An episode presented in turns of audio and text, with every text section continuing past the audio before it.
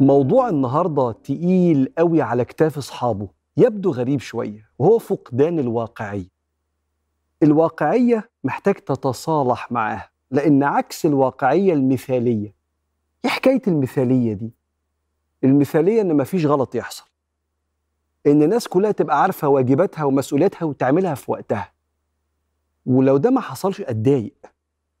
إن كل واحد يبقى جاي في ميعاده ومحدش يتأخر. إن الخير دايما ينتصر على الشر وإن اللي بيجتهد دايما لازم ياخد نصيبه من النجاح. دي قيم عالية وجميلة جدا. بس هقول لك على حاجة. ده مش دايما هيحصل. ولو لم تتصالح مع الواقعية هتعيش زعلان من الدنيا. وبعد شوية تزعل من أقدار ربنا. واصلا أنت زعلان من البشر اللي ما عندهمش أخلاق وزعلان من عدم احترامهم وعدم التزامهم وكل ده جواك عمال يزعلك لوحدك والناس مش هتتغير. لأن البني آدم في بعض الأوقات محتاج هو اللي يتغير في نظرته للواقع وليس ينتظر تغير الناس. ما بقولكش تسكت على الغلط بالذات لو أنت مسؤول تاخد إجراءات في تصليح الغلط. بس بهدوء بحزم بدون مرارة لأن هيفضل البني أدمين خطائين. وجزء من تمن الدنيا واستحمال الدنيا هو تقبل أخطاء البشر بالتوازي مع السعي لإصلاحها لو أنت كنت مسؤول عن الإصلاح.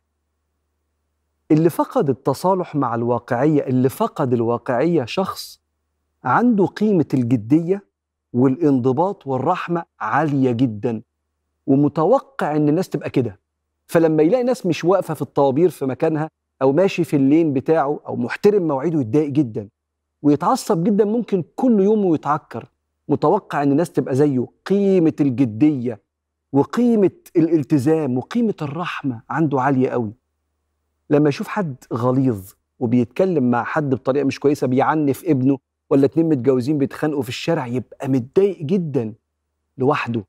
الفرن كله جوه لأنه متوقع الناس كلها تبقى رحيمة زيه. وده اللي بيخلي البني آدم يعاني كتير قوي والمشكلة في فقدان تصالحه مع واقعية الدنيا. شوف سيدنا النبي عليه الصلاة والسلام أعلان جدية ورحمة وانضباط كل حاجة النبي أحلى حاجة. بص متفهم طبيعة الناس إزاي. واحد من الأعراب. كلمة أعرابي يعني واحد النبي ما ربهوش.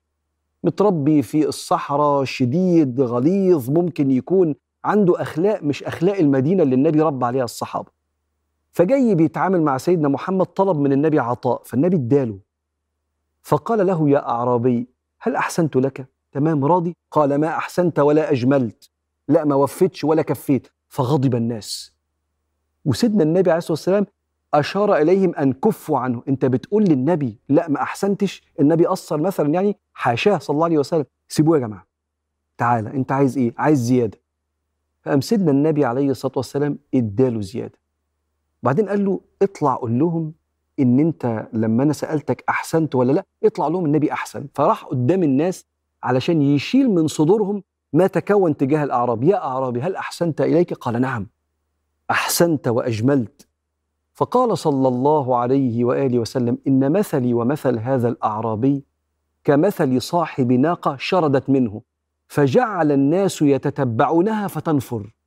فقال كفوا عنها وذهب إليها ببعض طعام الأرض حتى أتت فاستناخت فوضع عليها متاعه. تمام ورجعت وحط الحاجة عليها كأنه صلى الله عليه وسلم بيقول استنى استنى أنا فاهم الأعرابي ده جاي منين؟ ممكن يكون ما تمرنش ولا اتعلم على الرضا بالقليل.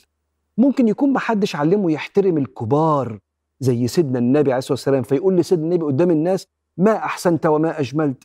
سيبوه يا جماعة أنا عارف ال background بتاعه مثلا يعني عارف هو جاي منين. هذا التفاهم هو تصالح مع الواقعية إن مش كل الناس أخذت القسط الطبيعي من التعليم والتربية والفهم والانضباط. من ضمن الحاجات اللي بتخلي بني آدم يفقد تصالحه مع الواقعية توقعه إن كل الناس بتفكر زيه. فيبقى كل الناس بتتحمل مسؤولية زيه كل الناس متربية على الأدب والذوق والرحمة زيه. فيتصدم في أخلاق الناس اللي جايين من بيئات مختلفة. تصرفات الناس طالعة من الطبع الجينات والطبيعة طريقة التربية والإرادة. إرادتهم في تغيير أخلاقهم. انت طبعك وطبيعتك وإرادتك خدوك في سكة شيك قوي. مش كل الناس كده. ما بقولكش اسكت على الغلط. بس تصالح مع ان في حاجات مش هتمشي زي ما انت بتتمنى. ربنا بيقول في القرآن على طبايع البشر ولا يزالون مختلفين. إلا من رحم ربك ولذلك خلقهم.